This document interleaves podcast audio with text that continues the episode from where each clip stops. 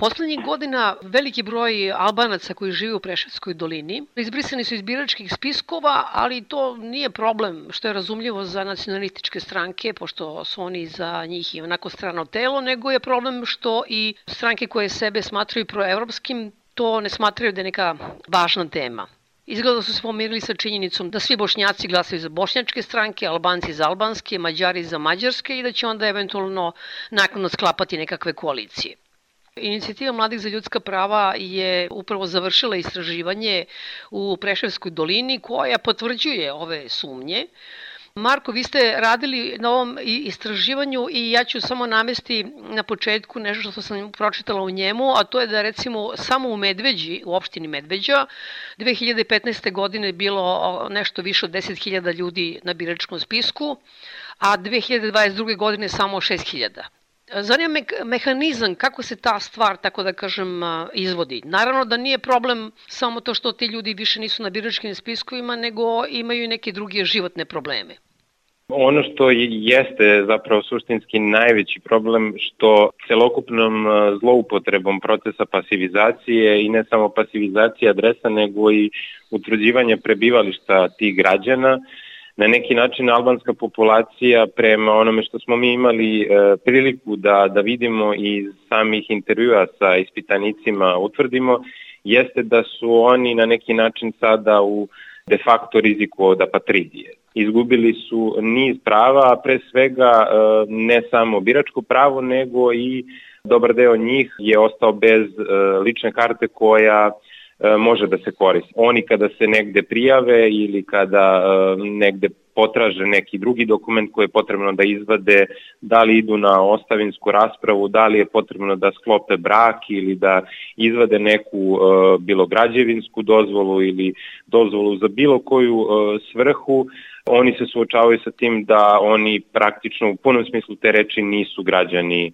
ove zemlje. I ono što je posebno problematično da je to onako vrlo neselektivno, da ne postoji uh, jasan mehanizam uh, provere tih uh, pasivizacije, jer taj proces izgleda tako što je najčešće potrebno da neko fizičko ili pravno lice, u slučaju Medveđe to je najčešće bila sama opština koja šalje tu vrstu zahteva za pasivizacijom adresa određenih građana i onda MUP često praktično automatski kreće da pasivizira adrese ljudima, a onda naknadno ide u takozvane terenske provere. Te provere u velikom broju slučajeva se zapravo ne dešavaju da onda ljudi nekako ostanu na cedilu bez informacije o tome kada će recimo policijska ta patrola doći. To je posebno problematično zbog opet kažem, strukture e, ispitanika koji su najčešće stari i penzioneri, koji je potrebno da idu do bolnice, do doma zdravlja, da se kreću, ali oni u strahu od e, reperkusija državnih organa su ostajali tako po šest meseci ili više u svojim domovima i nisu se uopšte kretali. Drugi važan segment e, ovog mehanizma zloupotrebe jeste u tome što se Ono što bi bila obaveza policije, odnosno nadležnih organa, jeste da oni dostave rešenja o pasivizaciji i da to na neki način obrazlože. Znači, ukoliko je zaista promenjena adresa, Ovde nije samo reč o tome da ta obrazloženja su manjkava, odnosno praktično vrlo upitno da li su zakonita, u što smo mi imali priliku da, da vidimo kroz 60 rešenja o, o pasivizaciji, gde se ona praktično takođe automatski nekako potpisuju, ali najveći problem je upravo nedostavljanje tih rešenja. Znači, to je eklatantan primer nepostojanja vladavine prava. Da vi ukidate e, na neki način i označite ljude da oni ne žive na, na nekoj adresi, da ljudi o tome nemaju informaciju, pritom su to pripadnici nacionalne manjine koji su po zakonima i ustavu zemlje višestruko bi trebalo da su zaštićeni različitim drugim pravnim mehanizmima, međutim ovde je sasvim obrnuto. Jedan instrument gde bi trebalo da se utvrđuje i dodeljuje zapravo novo prebivalište ukoliko nije ono koje je prvobitno navedeno u vašim dokumentima, je upravo iskorišćeno kao jedna pogodna alatka da bi se prekrojila volja građana na izborima, ali da bi se na neki način pogoršao život jedne nacionalne manjine. Jako veliki broj ljudi, da ne kažem stotine hiljada, ne živi na adresi koja mu je navedena u ličnoj karti. Mislim, to su podstanari koji se vode na adrese svojih roditelja, to su studenti koji studiraju ili ne studiraju ili vraćaju se. Naravno da zakon treba da se poštuje o prebivalištu i boravištu, ali se očigledno zakon tu selektivno premenjuje. Ono što e, nama govori da je to širi problem i vi ste ovde naveli da je to nešto što decenijama nije, nije urađeno na pravi način i šansa za to je propuštena zapravo kada je taj zakon e, i donet. Govorimo o zakonu o e, prebivalištu i boravištu građana 2011. godine. Kada se usvajao taj zakon, to je bila odlična prilika da se ceo taj domen zapravo unutrašnjih migracija uredi i da se pojednostavi procedura promene adrese e, iz jednog u drugi grad i tako dalje. I da od toga ne zavisi e, čitav niz prava koji vam onda zapravo bude, bude uskraćen. Međutim, mi smo u izveštaju takođe podsjetili na jednu izjavu Ivice Dačića koji je praktično najavio buduću, e, odnosno potencijalnu diskriminaciju, posebno nad, nad pripadnicima albanske nacionalne menjine, kada je on izjavio da upravo taj zakon donosi upravo da bi se sprečile zloupotrebe da se na jugu Srbije naseljavaju u velikom broju Albanci. I da se vratim sada na, na ovo što ste e, vi naveli kao jedan veliki strukturalni problem, Mi smo takođe to e, mapirali i zato smo preporučili e, institucijama države da je potrebno da se o tim statistikama pasiviziranih građana, a posebno po etničkoj strukturi, takvi podaci moraju biti javno dostupni. Mi smo pokušali da u sklopu izveštaja zapravo potražimo te podatke, jedan deo numerički smo, eh, da tako kažem, i dobili i ono što je interesantno, upravo za medveđu o kojoj smo počeli da pričamo, eh, nedostaju upravo podaci o poslednje četiri godine. Taj broj je rastao od 2000 eh, 15. godine pa sve do 2019. a onda zapravo nemate, nemate podatke o tome. Pre jeli nekoliko e, dana, odnosno više od sedam dana, je i Evropska komisija u svom izveštaju ima tu jednu rečenicu koju ponavlja praktično kada govorimo o pasivizaciji građana, a to je da policija, odnosno MUP, mora da objasni na koji način se, se vrše te provere i da postoje sumnje na uh, diskriminatoran položaj prema jednoj uh, nacionalnoj manjini. Ovaj ceo problem pokazuje jednu disproporciju u odnosu na, da tako kažem, onog koga vlast označi kao nekoga ko ne pripada, jeli uslovno govoreći, našoj naciji, ko se predstavi kao jedan neprijateljski drugi, i onda je on odlična meta da ga izuzmemo iz društva i da na neki način se ti ljudi praktično ne računaju kao građani.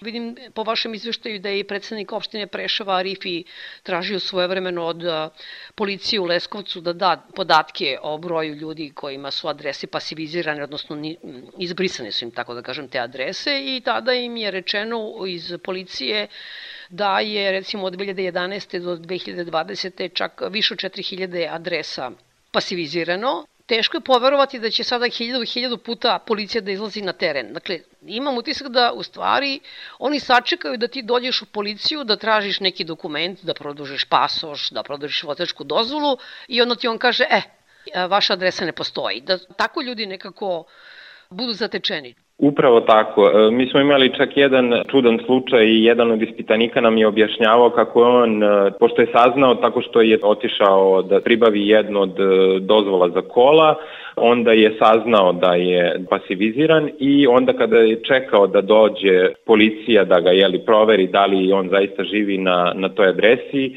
a pritom veliki broj tih građana poseduje ugovore o svojim kućama, plaća uredno porez, komunalije, e, znači sve dažbine prema državi ti ljudi izmiruju i, i ti računi stižu redovno.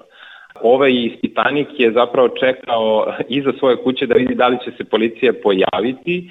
Oni su pokucali samo na, na kapiju i otišli su i napravili su izveštaj da, da taj čovek nije tu. E, ispričao nam je kako je on jurio za policijom iz i došao uh, iza njih praktično uh, do policijske stanice i rekao ljudi pa šta vi ovo radite.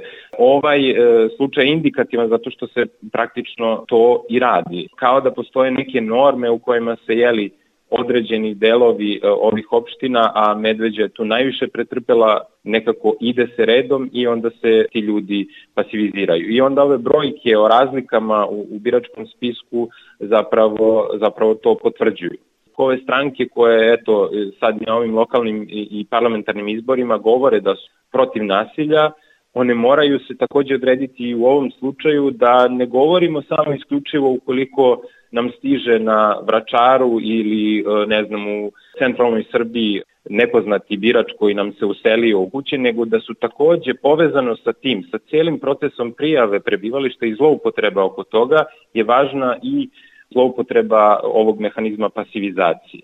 I sa tim problemom su povezani i drugi segmenti celog pitanja oko rešavanja kosovskog čvora, da tako kažem. Znači, upravo nepriznavanje diploma je povezano sa problemom i zloupotrebom pasivizacije, predstavljanja Albanaca u ustanovama Srbije, od policije pa do nekih drugih, sve to zajedno čini život tih ljudi praktično nemogućim. I sad tu postoje višestruke zloupotrebe. Imamo takođe i, da tako kažem, i srpske nacionaliste i albanske nacionaliste koji će da zloupotrebe i ovaj fenomen kako bi učaurili te ljude i dalje u svoje nacionalističke tabore. Tokom NATO bombardovanja veliki broj ljudi iz Preševske doline prelazio na Kosovo jer su smatrani petom kolonom praktično u Srbiji i od strane vojske, od policije. Ostalom tamo je bilo i žrtava, pogotovo u Preševu. Jedan broj se vratio u Srbiju, međutim jedan deo je i ostao na Kosovu, pa dolazi u Srbiju. Imam utisak da su oni nekako vrlo zgodna ciljna grupa. Hoću da pitam zapravo koje su to grupe ljudi koje su najčešće žrtve ove zlopotrebe zakona? Postoji jedna takođe podgrupa o kojoj e, ste vi sad e, zapravo postavili pitanje pitanje, e, to su ljudi koji su izbegli, kao što ste i rekli, od tokom 99. godine, a jedna grupa takođe tokom 2000. E, kada je e, zapravo bio smešten prištinski korpus u, u, u ovim opštinama i kada su se dešavali zapravo i ratni zločini, ali i druga vrsta nasilja nad albanskom populacijom, taj dobar deo ljudi jeste zapravo sada negde između u tom jednom pravnom smislu, zato što Mi smo imali priliku i da razgovaramo sa, sa nekoliko ispitanika koji danas žive na Kosovu, koji imaju dokumenta Srbije i pasoš i, i ličnu kartu, međutim zbog vrlo restriktivnog zakona o državljanstvu i a, takođe zakona koji reguliše prebivalište na Kosovu, oni ne mogu da dobiju dokumenta, već često isključivo i to u samo pojedinačnim slučajevima ukoliko su u bračnom odnosu sa građanima, odnosno građankama Kosova, mogu da e, dobiju boravišnu vizu, a s druge strane su pasivizirani u Srbiji. Ti ljudi su e, odrasli, obrazovali se, radili su, stekli su svoj radni staž uglavnom u, u opštinama kao što su Bojanovac, Prešava, Medveđa, neki od njih su radili čak i u Vojvodini, u Beogradu i tako dalje i oni su sada ostavljeni da tu budu potpuno nevidljivi. I struktura tih ljudi je sledeća. Oni su ili su u penziji e, sa jako malim primanjima, ima tu među njima i studenta i tako dalje. To je jedna posebna podgrupa koja, koja takođe trpi posledice pasivizacije, odnosno zloupotrebe pasivizacije adresa u Srbiji. Čini mi se da za Albance e, važi još jedna stvar, a to je da veliki broj njih ima rodbinu ili prijatelje u inostranstvu, da tamo odlaze da rade povremene ili privremene poslove, jeli? I sada tu onda najlazimo na taj problem koji je inače vezan za, za većinu stanovnika Srbije, a to je da ne poštuju tu proceduru prijeve privrednog boravka u inostranstvu ukoliko ostajete tamo duže od 90 dana. To može takođe da bude vrlo zgodan mehanizam i da se on opet selektivno primenjuje tamo gde želite, recimo u Preševu, a ne recimo u Beogradu i okolini gde isto veliki broj ljudi ide da radi i ostaje duže od tri meseca ili ode u posetu negde to je jedna posredna diskriminacija gde vi imate jednu suštinski neutralnu odredbu kao što je pasivizacija koja bi trebala da se odnosi na celu populaciju, odnosno na celo stanovništvo jedne zemlje, ali se onda takva jedna neutralna odredba, jedan pravni mehanizam je očigledno zgodno izabran uh, za političke manipulacije kad govorimo o biračkom spisku, ali s druge strane za otežavanje položaja upravo ovih grupa koje ne vide se ne samo kao građani Srbije, nego ne vide se pre svega kao, kao jedno potencijalno biračko telo i onda samim tim nisu ni građani, odnosno u praksi nisu uh, građani ove zemlje. Pomenuo si da je Evropska komisija u izveštaju napomenula da je ovo problem. Tu ima posla svakako za državne institucije da to provere. Tu je i služba unutrašnje kontrole čuvena MUPA, poverenik za ravnopravnost građana, je li tako? Trebalo da proveri i da kaže da, to se dešava, ne molim vas šta pričate, kao što je rekla Gordana Čomić, kad je bila ministarka za nešto, ljudska i manjinska prava, kad je rekla ne, ne, tu se ne sprovodi organizovano brisanje prebivališta. Jeli. Postoje za sada dva slučaja pred Ustavnim sudom gde su građani e, potraživali svoja prava, e, žalili se na ta rešenja MUPA, a onda i na odluke Upravnog suda i sada su oni na, e, na Ustavnom sudu Srbije. Ono što e, ćemo mi pokušati da uradimo u narednom periodu, da takođe sa ispitanicima e, e, koji su nam dali podatke, razmatramo jednu predstavku za jednu među ili interimeru pred Europskim sudom za ljudska prava kako bi makar ta institucija na neki način naterala i pritisnula dovoljno sve ove organe koje ste vi naveli, ali pre svega MUP Srbije, da pruži dokaze za, za svoje tvrdnje.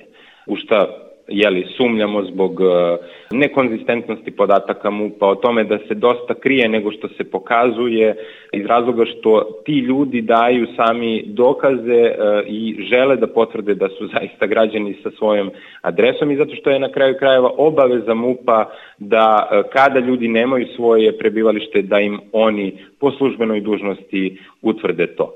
Tako da se našla ta siva zona u kojoj onda se vlast, odnosno država, u partijskim rukama je spremna da ide i gazi prava građana drugih etničkih e, grupa, ali da ne bude samo da je to, da tako kažem, abstraktno jedna, druga, treća ili peta institucija, nego da su to ljudi sa imenom i prezimenom i sa svojim uh, odgovornostima.